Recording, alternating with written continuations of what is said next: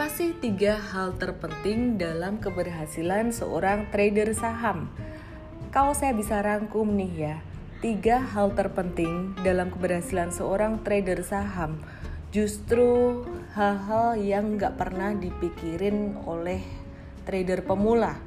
Banyak trader pemula mikir yang terpenting itu adalah pilihan sahamnya atau strategi milih sahamnya timing beli dan jualnya. Benar sih, pilihan saham itu penting. Timing beli dan jual itu penting. Namun tahukah Anda bahwa jika Anda benar hanya 6 kali dari 10 kali transaksi atau jika Anda benar hanya 5 kali dari 10 kali transaksi, artinya tingkat keberhasilan Anda cuma 50%. Ya. Anda tetap bisa untung. Anda tetap bisa jadi seorang pemenang dalam trading saham. Sebaliknya, meskipun Anda pinter nebak saham, Anda pinter memilih saham yang naik, misalkan nih ya, dari 10 kali transaksi, Anda benar 8 kali, Anda untung 8 kali, dan ruginya cuma dua kali. Tapi kenyataannya hasil akhir tradingnya belum tentu loh lebih baik daripada orang yang benar hanya lima kali saja. Mengapa bisa demikian? Yuk simak dalam podcast kali ini tiga rahasia penting, tiga hal terpenting keberhasilan seorang trader saham bersama saya, Ellen May.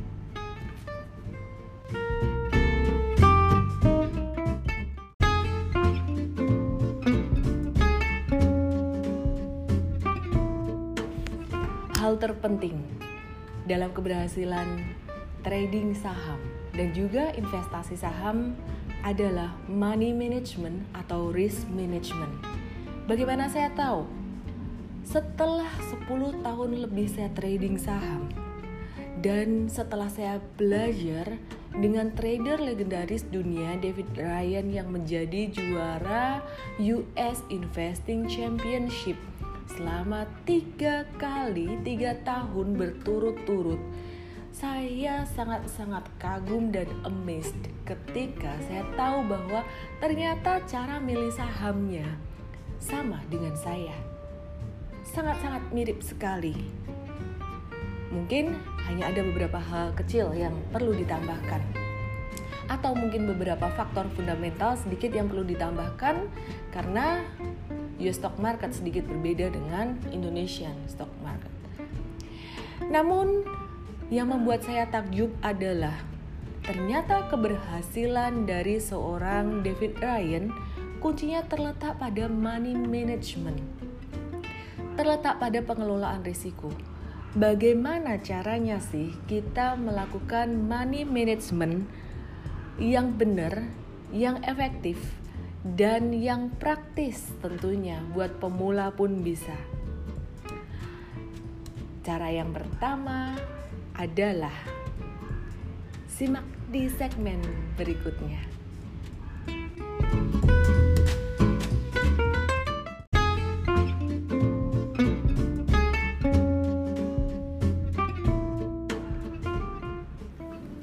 Cara yang pertama yang sering banget saya sebut adalah start small atau start kecil. Kecilnya seberapa kecil sih? Saya nggak bisa ngomong nominalnya berapa kecil. Tapi kalau bisa start sekecil mungkin sampai emosimu nggak keganggu. Kemudian scale up, tes dan ukur. Ya, jadi ketika mau scale up atau mau nambah posisi lagi, mesti tes dan ukur. Apakah emosi kamu siap atau enggak? Jadi kalau misalkan Anda tanya nih, berapa sih uang yang ideal buat trading saham? Berapapun bisa kok di Indonesia, mau start dari 5 juta pun bisa.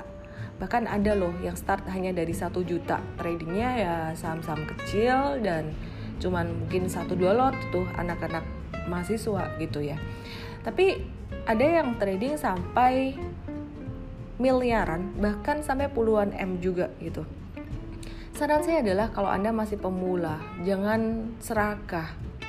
jangan langsung mau cepet-cepet ya serakah atau greed is good kalau tahu caranya greed is good kalau tahu caranya kalau belum tahu caranya better start small Tujuannya apa? Supaya emosi Anda nggak terlalu keganggu. Kalau saham turun, Anda nggak terlalu pusing. Saham naik, Anda nggak terlalu euforia. Ketika emosi Anda stabil, Anda bisa berpikir dengan objektif dan Anda bisa mengambil keputusan dengan akal sehat. Demikian pula ketika saya membeli sebuah saham. Ketika saya beli sebuah saham, saya selalu ngetes dulu di awal kalau saya merasa agak-agak ragu atau nggak yakin, saya akan ambil dikit dulu nih. Saya akan ambil dikit dulu, baru kemudian setelah saya lihat, oh saham ini ternyata bagus, dia naik, baru saya akan nambah lagi. Jadi bukan malah sahamnya turun dan turun, saya nambah, nggak kayak gitu. Jadi kalau sahamnya masih bagus, baru saya akan nambah naik. Saya nambah saham ketika harganya turun dengan catatan turunnya turun minor masih dalam tren naik yang besar. Ya jadi mesti saya kasih lihat nih secara visual. Biasa saya jelaskan di workshop super trader. Nah intinya adalah bagaimana caranya kita beli saham start small dulu scale up kalau saham ini bergerak dalam arah yang menguntungkan kita yaitu naik. Kalau turun, ya justru malah kita harus kurangi. Kalau turun kita mesti jual sebagian. Kita lihat dulu. Kalau memang turun lagi, ya jual lagi semuanya. Jadi dengan demikian portfolio saham Anda jadi bagus banget. Gak ada lagi saham-saham yang merah-merah, nyangkut besar. Paling pun kalau ada yang minus-minus dikit-dikit karena kita kasih toleransi saham ini bergerak dalam range uh, volatility dia yang masih normal yang masih belum kena ke level proteksi atau stop loss. Nah, itu rahasia pertama keberhasilan seorang trader saham supaya bisa long lasting keberhasilannya. Jadi bukan cuma untung sekali kemudian rugi gede dan semua keuntungan tersapu habis. Yuk kita lanjut dalam Rahasia kedua atau hal penting kedua untuk keberhasilan seorang trader saham dalam segmen yang berikutnya.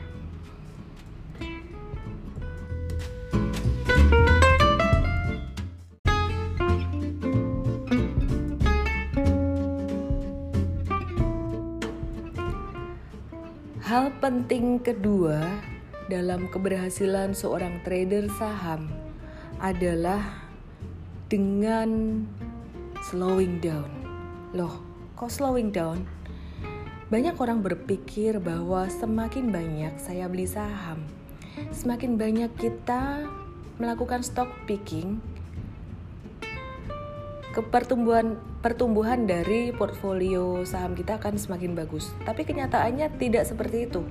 Jadi frekuensi trading kita, frekuensi beli jual saham kita tidak menentukan keberhasilan trading. Banyaknya saham yang dibeli bukan rahasia keberhasilan trading. Bisa jadi kita cuma punya 3 sampai 5 saham aja. Tapi kita fokus di situ, scaling up kalau saham ini bagus, scaling down kalau dia mulai rugi, mulai turun. Fokus di situ dan nambah nambahnya juga bukan sembarang nambah. Ya ini saya jelasin ya strateginya di workshop super trader. Ada kalau mau ikut langsung aja ke www.supertrader.id slash whatsapp. Nah jadi anda jangan terburu-buru terburu-buru di awal trading. Being mindful being aware evaluasi. Tiap kali anda beli saham tuh dievaluasi. Kalau misalkan anda untung dan untung apa hal bagus yang anda bisa pelajari kalau misalkan Anda rugi, apa sih yang Anda bisa pelajari juga dari kerugian tersebut? Dan apa yang Anda pelajari ini Anda bisa pakai untuk transaksi yang berikutnya. Dan hasil akhir atau kinerja trading jangan diukur daily. Kalau misalkan hari ini ya, Anda ada stock picking nih, Anda ada milih saham atau kalau Anda pakai premium akses kita ada rekomendasiin misalkan kita rekomendasi satu saham hari ini. Kemudian sore harinya atau besoknya turun. Nah, turun ini jangan langsung panik. Ada loh turun itu yang cuman koreksi sesaat aja. Jadi turun yang normal ya karena harga saham nggak mungkin dong terus terus terus naik pasti tetap ada fluktuasi tapi ada turun yang memang kita harus keluar. Nggak ada toleransi lagi harus out. Nah terlepas dari anda masih hold atau udah out anda untung rugi untung rugi ya itu jangan diukur jangan dilihat dari daily. Kinerja anda jangan diukur dari transaksi daily. Tapi anda mesti kumpulin transaksi anda dalam satu tabel ya. Jadi tabel kumpulan transaksi saham-saham yang udah anda beli dan jual. Dan anda lihat pertumbuhannya dalam paling enggak tiga bulan. Setiap satu bulan tiga bulan enam bulan dan satu tahun. Nah biasanya nih dalam setahun tuh ada dua siklus.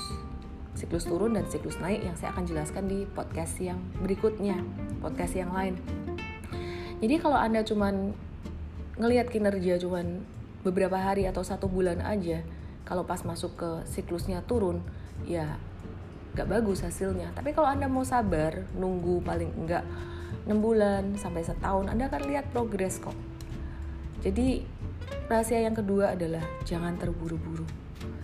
Dan meskipun terkesan sederhana terkesan simple hal ini sangat penting sekali setelah saya bertahun-tahun trading saham, justru saya sadar bahwa semakin saya aware, semakin saya mindful ketika saya trading saham, ketika saya nggak terburu-buru, justru hasilnya semakin bagus. Apa rahasia ketiga? Hal terpenting yang ketiga, hal penting yang ketiga untuk keberhasilan seorang trader saham, yuk simak, simak dalam segmen yang berikutnya. Bersama saya, Ellen May.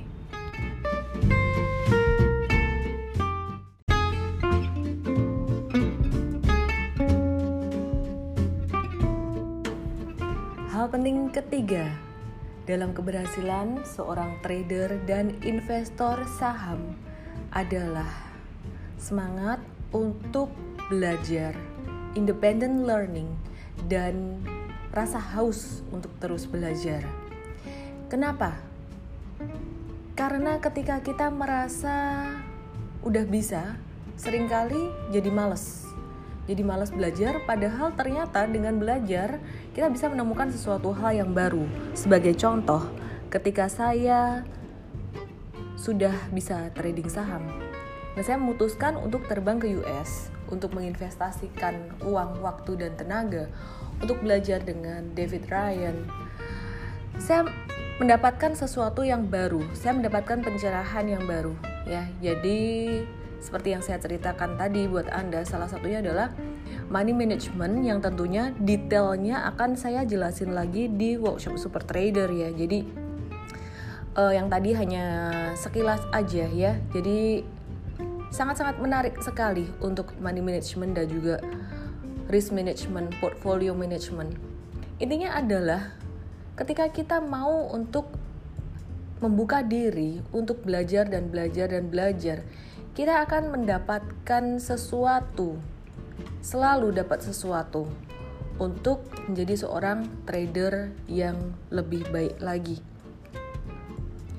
Rasa haus untuk belajar tidak hanya untuk trader yang udah bisa aja, tapi juga buat Anda yang Anda merasa bahwa kok trading saya nggak benar-benar ya, yang Anda masih merasa banyak tantangan, Anda masih merasa sulit, apalagi Anda harus nggak boleh putus asa untuk belajar.